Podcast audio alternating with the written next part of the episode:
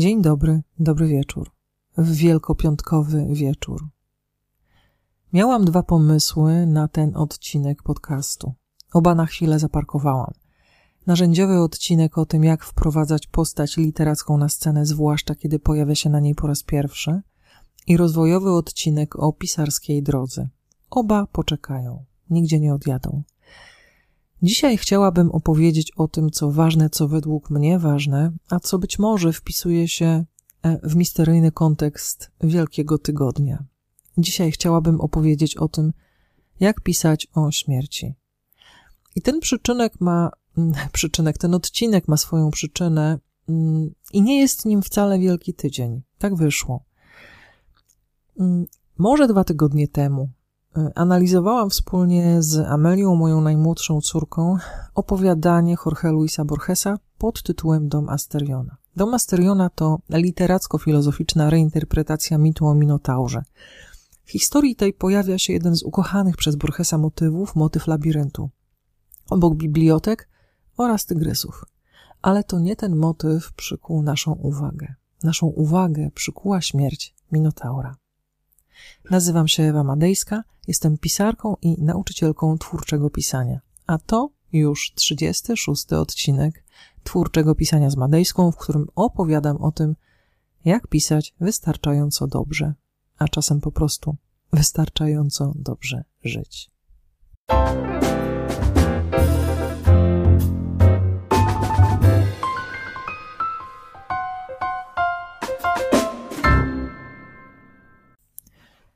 Po wspólnej analizie opowiadania zatrzymałam się na długą chwilę w borchesowskim e, labiryncie razem z Minotaurem. Ta chwila trwa już dwa tygodnie, a ja wciąż zaglądam do domu Asteriona, wciąż go czytam, raz jeszcze. I nie potrafię z niego wyjść. Tak jak Minotaur nie umiał wyjść z labiryntu, bo z labiryntu nie ma wyjścia. Minotaur zdaje sobie z tego sprawę, mówi, że drzwi jest nieskończenie wiele. Labirynt staje się jego światem, ba wielokrotnością światów, światów bez końca. I chociaż Minotaur doskonale oswaja opresję labiryntu, czeka na wybawienie. Wie, że wśród dziewięciu młodzieńców, których co dziewięć lat wprowadza się do jego królestwa, do królestwa bez wyjścia, znajduje się wyzwoliciel. Kiedyś przybędzie. Kiedy? Nie wiadomo, ale sama myśl o tym, że gdzieś jest jakiś wyzwoliciel, sprawia, że samotność przestaje boleć Minotaura. W końcu Minotaur wyraża eschatologiczną niemal nadzieję o wyzwolicielu. Tak sobie myśli o nim. Oby zaprowadził mnie do miejsca, gdzie jest mniej galerii i mniej drzwi. Wybawca pojawia się w końcu. To Tezeusz, który zabija Minotaura, a następnie wydostaje się z labiryntu dzięki nici sprytnej Ariadny. Pamiętasz ten mit, na pewno znasz go, ale czy znasz zakończenie opowiadania Borgesa? Mały epilog. Otóż nagle pierwszoosobowa narracja Minotaura urywa się, jak jego życie, a zakończenie brzmi tak. Poranne słońce odbijało się od miecza z brązu. Nie pozostał już żaden ślad krwi. Czy uwierzysz, Ariadno? powiedział Tezeusz, że Minotaur prawie się nie bronił? Koniec. Żadnego patosu, żadnych wielkich słów, żadnych łez, żadnego opisu walki. Minotaur prawie się nie bronił, tylko tyle, aż tyle. Pomyślałam wówczas, wciąż myślę, że to jeden z doskonalszych opisów śmierci w literaturze. Dlaczego? Bo nie opisuje śmierci. Nie wprost. Opis pozostawia w niedoświadczeniu czytelnika, bo ani ty, ani ja tego doświadczenia nie mamy, bo będzie to ostatnie doświadczenie mojego i twojego życia, którego ani ja, ani ty doświadczenia nie opiszemy z własnej perspektywy. Chociaż kto wie, bo jak mówi narrator w Tataraku i Waszkiewicza, koniec ma jakieś tajemnicze związki z początkiem. Bo Tatarak. Tatarak wpadł yy, w moje ręce chwilę po yy, po domu Asteriona. Zerknęłam do niego przy sprzątaniu, przed świątecznym sprzątaniu. Mm, I znowu przypomniałam sobie, jak bardzo lubię to opowiadanie, jak bardzo lubię narrację mm, Iwaszkiewicza. Mm, I w Tataraku dopowiedziały mi się kolejne rzeczy, które zabrzmiały, zarezonowały po raz pierwszy w domu Asteriona. narrator y, Tataraku mówi o śmierci bardzo prosto. Tak prosto, jak opisuje ją Borges w przypadku Minotaura. Otóż e, u Iwaszkiewicza czytamy Śmierć. A przecież to historia codzienna, jakich tysiące zdarzają się po naszych miastach, miasteczkach. Historia codzienna. Śmierć to historia codzienna, więc jak o niej pisać? Ano zwyczajnie, codziennie. Tak jak o scenach zbliżeń intymnych, o których mówiłam w szóstym odcinku, krótko i prosto. I tylko wtedy, kiedy musisz, i tylko wtedy, kiedy jest to konieczne. Bo tak jak w opisach zbliżeń intymnych można odpłynąć w groteskę i nadmiar, tak w opisach śmierci można odpłynąć w patos, sentymentalizm, wielkie słowa, które nic nie znaczą, w szczegółowe opisy, w przemoc, krew, czyli też nadmiar. Rozważ zatem, kiedy siądziesz do takiej sceny, kiedy będziesz miał ją, miała przed sobą, następujące kwestie. Po pierwsze, spraw, aby śmierć bohatera, głównego bohatera albo głównej bohaterki była uzasadniona. Nic nie niszczy zaufania czytelnika bardziej niż postacie, które umierają bez powodu, bo się pisarzowi albo pisarce zachciało dodać nagle emocje. Nie w ten sposób, nie takimi środkami. Nie, tak się nie robi. Pamiętaj, że czytelnik, czytelniczka inwestuje mnóstwo czasu i energii w lekturę 300-400 stron powieści nie ma żadnego powodu, żeby nagle na koniec tej powieści wpychać swoją postać, w porządku postać, na przykład pod koła samochodu. Po co? Z jakiego powodu? No nie, tak się nie robi. Więc jeżeli zbudowałeś, zbudowałaś postać w trójwymiarze, postać, o którą warto dbać, o którą warto się troszczyć, to zasadniczo jest to postać, która zasługuje na śmierć z konkretnego powodu. I tu sięgnę do pierwszego lepszego przykładu z popkultury, kiedy generał Maximus e, umiera w gladiatorze Ridleya Scotta na koniec, wiemy, że poświęcił swoje życie, aby uwolnić Rzym od tyranii i zepsucia cesarza Komodusa. Wiemy, że ponosi ofiarę, wiemy, że ta śmierć, ta śmierć, trudna, miły bohater przecież, e, to akceptujemy jego śmierć, bo ta śmierć jest logicznym, chociaż tragicznym domknięciem historii. A co z bohaterami drugoplanowymi? No właśnie, co? Można się ich czasem radykalnie pozbyć. Zawsze jednak należy sprawdzić, w jaki sposób taka decyzja, takie cięcie wpłynie na zmianę fabuły, bo jeżeli potrzebujesz mocnego punktu zwrotnego, uśmierć takiego bohatera. Pewnie, że tak, ale bądź uważny na to, co, jak powiedziałam, w fabule, w strukturze, ale również w innych bohaterach, bo oni w jakiś sposób, bardzo konkretny, każdy inaczej, zareagują na to tragiczne jednak wydarzenie. Po drugie, e, spraw, aby czytelnik troszczył się o postać. Bo jeżeli tego nie zrobisz, śmierć Twojej postaci nie zrobi wrażenia na czytelnikach, czytelniczkach. Zadaj sobie pytanie, czy Twój bohater, czy Twoja bohaterka angażuje emocje czytelników, czytelniczek. To najważniejsza część roboty, roboty, której nie robi i nigdy nie zrobi sama scena śmierci. Te roboty robi wszystko, co napisałeś, napisałaś wcześniej. Cała historia, cała fabuła, wszystko, co przydarzyło się bohaterowi albo bohaterce bo scena śmierci w takiej sytuacji jest wspaniałym zwieńczeniem Twojej i czytelników przygody z postacią. Jeżeli zatem nie stworzyłeś, nie stworzyłaś angażującej bohaterki, angażującego bohatera, scena jego lub jej śmierci stanie się jedną z wielu scen w powieści. Bez względu na to, jakich środków składniowych czy stylistycznych użyjesz, nie licz na łzy publiczności. Inna kwestia jest tak naprawdę w tym momencie ważna jak stworzyć przekonującą postać. To długi, strategiczny proces, którego uczę na warsztatach od początku do końca, ale jest to też proces, który warto przemyśleć, który zaczyna się zanim zaczniesz pisać. Składają się na niego pewnie cel postaci, również pragnienia, z całą pewnością stawka, o których to mówiłam w odcinkach siódmym i dziewiątym, ale też to wszystko, co się wymyka warsztatowi, co się wymyka narzędziom, to osobowość bohatera, to jego świat wewnętrzny i zewnętrzny, to jego charakter, to jego przeszłość, to wszystkie rany, które nosi w sobie, na sobie, wszystkie kłamstwa, w które wierzy, wszystkie fałszywe przekonania, ale też wszystkie prawdy, które być może docierają do niego w ostatniej chwili.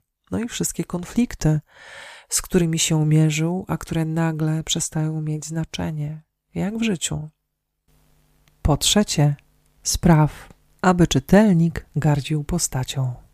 A do tego doskonale nadają się antagoniści. Poważnie. Przychodzi taki moment w historii, w którym należy sprawdzić, czy i jak zadbałeś o antagonistę albo antagonistkę. Jeżeli chcesz wiedzieć o nim więcej albo o niej, odsłuchaj, o ile pamiętam, odcinek 24. Mówię o rozmaitych typach antagonistów, o tych, których lubię najbardziej, o tych, którzy najlepiej, moim zdaniem oczywiście, sprawdzają się w literaturze, ale tym razem chodzi o antagonistę niekoniecznie z ludzką twarzą, bo takiego lubię najbardziej. Tym razem chodzi o antagonistę z twarzą nieludzką, tym razem chodzi o prawdziwego złoczyńcę. Przypomnij sobie czarny charakter, który zrobił na tobie wrażenie, mocne wrażenie.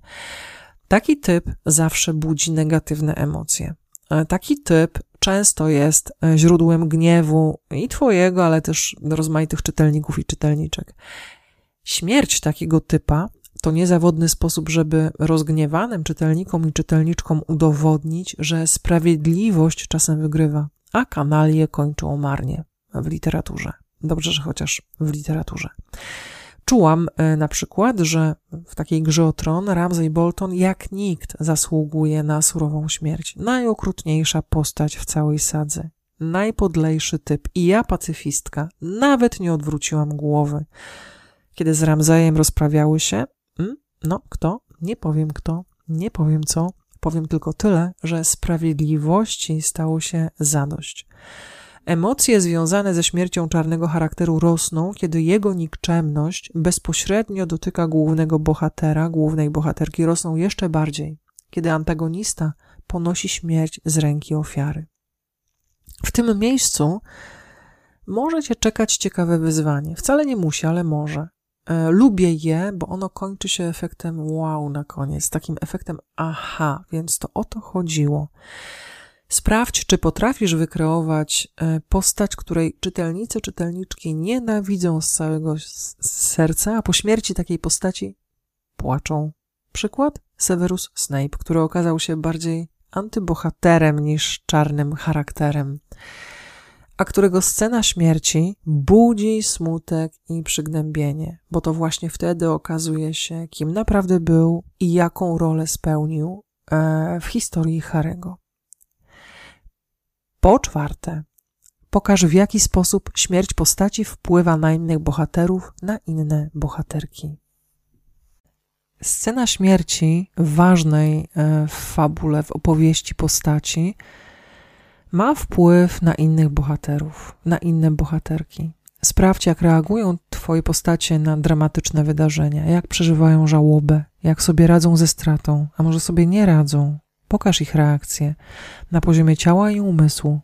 Nie spiesz się przez chwilę. Pobądź z bohaterami. Dla nich czas też się zatrzymał i nic już nie będzie takie samo.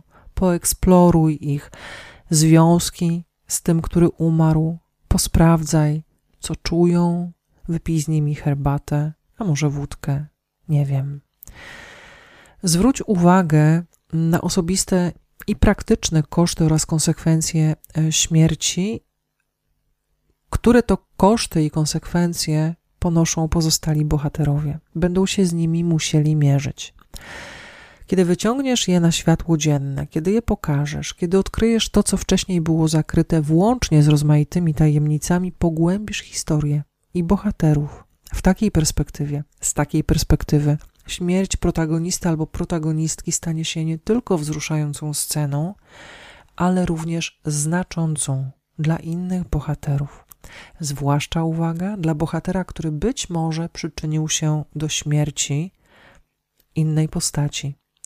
I taką bohaterką jest Marta w Tataraku, e, bo to ona czuje się winna, być może nawet jest, ale czuje się winna z całą pewnością śmierci Bogusia. To na jej życzenie Boguś wyławiał z rzeki tatarak i właśnie przy tej robocie utonął. Marta będzie musiała zmagać się do końca życia, które jej zostało, z poczuciem winy i wyrzutami sumienia. Już nigdy nie będzie szczęśliwa. Ta, która pogrzebała, pochowała dwóch synów, którzy zginęli w powstaniu. Po piąte, unikaj patosu, klisz, głupoty, wielkich słów i detalicznych opisów. Może myślisz, że w scenie śmierci trzeba iść na całość. Może czujesz, że im więcej dramatycznych opisów, tym lepiej. Może wydaje ci się, że im więcej słów, tym mocniej, tym bardziej. Może wydaje ci się, że jeżeli zasugerujesz czytelnikom i czytelniczkom, co powinni czuć, co powinny czuć, tym większy żal, smutek i przygnębienie poczują. Zasada jest prosta. Im więcej mówisz i sugerujesz, tym mniej czuje twoja publiczność. Przykładem nadużywanego i często nadmiernie dramatyzowanego stereotypu jest długa, przeciągająca się na łożu śmierci mowa umierającego. Słaba jest również śmierć, którą sobie wyobrażasz, że tak wygląda. No wcale tak nie wygląda.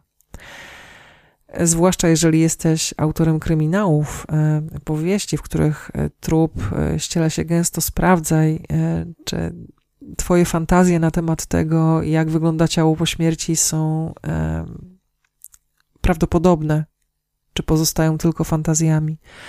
Wracając do bardziej realnych kwestii, Twoim obowiązkiem jest sprawdzić, jeżeli możesz, e, a możesz, to proste, jak umierają ludzie z rakiem mózgu, a jak z rakiem płuc.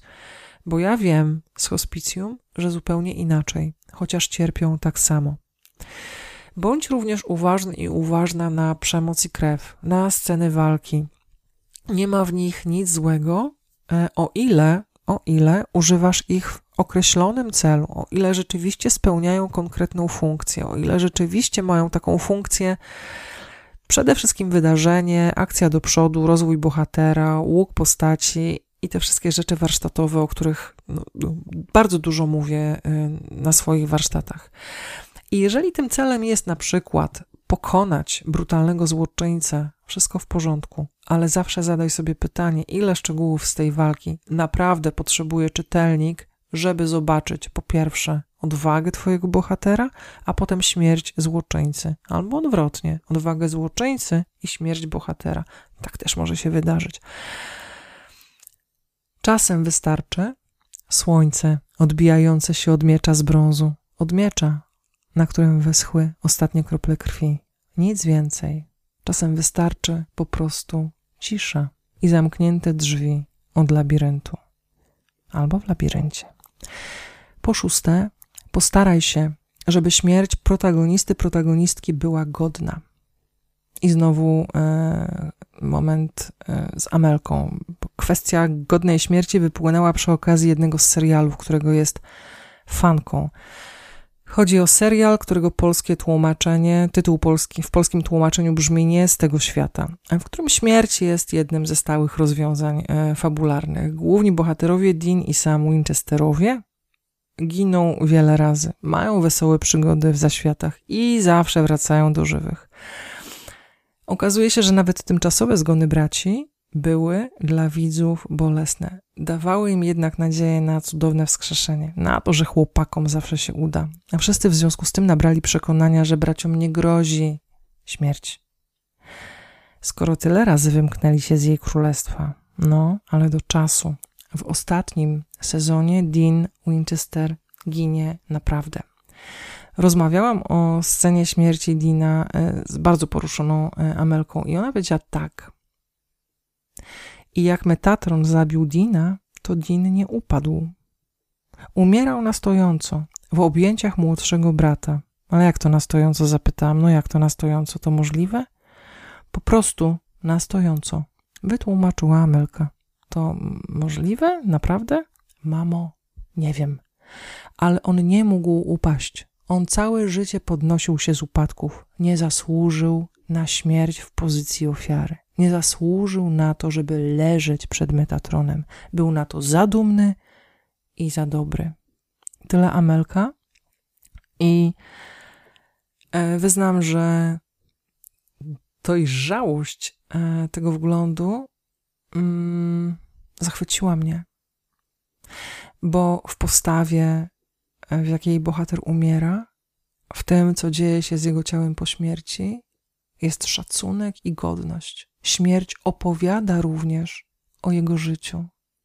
Miejsce, czas i sposób, w jaki umiera, opowiadają o tym, kim był, jaki był i czy zasługuje na taką, a nie inną śmierć.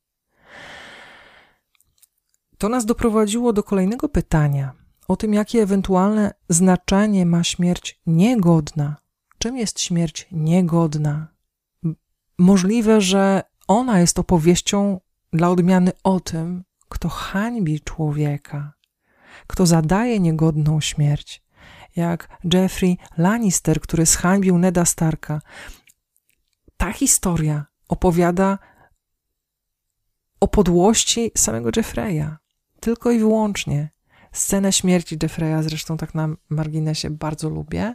Bardzo jest to niegodna śmierć, bardzo nieładna, ale też taka, na którą y, młody Lannister zasłużył. Jak Ramsay Bolton. Ani trochę go nie żałuję. Po siódme, podprowadzaj śmierć. Postaraj się jednak, żeby nie była przewidywalna. Najczęściej wiesz dużo wcześniej, kogo i dlaczego chcesz zabić. W takim przypadku zachowaj ostrożność. Możesz zdradzić przypadkiem za dużo. Możesz powiedzieć ustami bohaterów więcej niż zamierzasz. Możesz dopuścić do głosu narratora uprzedzającego wypadki, ponieważ myślisz, że w ten sposób zbudujesz większe napięcie. Nie ma takiej opcji. To niemożliwe. Nie tak buduje się napięcie. Taki narrator lubi wypowiadać kwestie jak ta. O, gdyby Anna wiedziała, że zostały jej ostatnie godziny życia, nigdy nie wsiadłaby do samochodu, albo pojechałaby inną drogą, albo cokolwiek innego. To najgorszy sposób, żeby zapowiedzieć śmierć. Jak dobrze to robić? No, przeczytaj opowiadanie Flannery O'Connor mm, pod tytułem Kulawi wejdą pierwsi. Dowiesz się. E, narrator podprowadza śmierć dziesięcioletniego Nortona od chwili, w której pojawia się w domu Rufus. Oszust, manipulant, piekielnie bystry dzieciak, który jest nie tyle zły, co niebezpiecznie zbuntowany. Moment, w którym Rufus zaczyna działać, jest początkiem końca Nortona i początkiem upadku jego ojca, Sheparda. Więc podprowadzaj śmierć bohatera, bohaterki zgodnie z regułami fabuły, którą znasz tylko ty. Może twój bohater lub bohaterka lubi szybką jazdę na motocyklu. Może lubi się szwendać po bezdrożach w środku nocy. Może lekceważy niepokojące sygnały płynące z ciała, bóle głowy albo kaszel. Może lubi prowokować bójki w barach, a może zadaje się z niewłaściwymi ludźmi, a może jest policjantem, a może jest strażnikiem granicznym, a może, a może, a może takich sytuacji możesz stworzyć naprawdę wiele. Bo jeżeli taki bohater umrze, wszyscy pogrążą się w żałobie, ale się nie zdziwią, ponieważ wpisałeś, wpisałaś ryzyko prawdopodobnej śmierci w historię takich bohaterów i takich bohaterek. Po ósme, a co jeżeli śmierć zapowiadasz już w pierwszym akapicie? Mówisz o niej wprost. Robi to na przykład John Green w powieści Gwiazd naszych e, wina. Mm, robi to doskonale. Ale wtedy, w takiej sytuacji, tak naprawdę nie piszesz o śmierci, ale o życiu o jego wartości, o tym, co jest ważne, o tym, jak kochać, o tym, jak realizować cele, o tym, że można naprawdę żyć, chociaż wiadomo, że śmierć czai się za zakrętem. W powieści Greena para nastolatków choruje na raka. Hazel ma marzenie, chce spotkać ukochanego pisarza. Pomaga jej w tym chłopak, którego poznaje w grupie terapeutycznej, Augustus. Od początku wiadomo, że młodych bohaterów, ale też młodych czytelników czeka dramatyczne zakończenie, trochę jednak inne niż to, którego się spodziewali. Nawet w takiej powieści można osiągnąć efekt aha. I na koniec, uważaj na siebie, bo widzisz, jeżeli nic nie czujesz, kiedy piszesz scenę śmierci. Czytelnicy, czytelniczki też prawdopodobnie nic nie poczują, więc musisz poczuć. Musisz wejść w świat swoich emocji. Musisz wrócić do własnych doświadczeń, mniej lub bardziej dramatycznych, ze stratą i żalem. To doskonały sposób na to, żeby napisać poruszającą scenę. Więc eksperymentuj z własnymi doświadczeń, doświadczeniami, ale tylko wtedy, kiedy jesteś na to gotów, gotowa. Bo jakkolwiek napiszesz doskonałą scenę, to nie chodzi o to, żeby rozpaść się emocjonalnie po takiej scenie, żeby tak mocno wejść w przeszłość, że stanie się teraźniejszością, że znowu zacznie żyć. Nie, nie o to chodzi.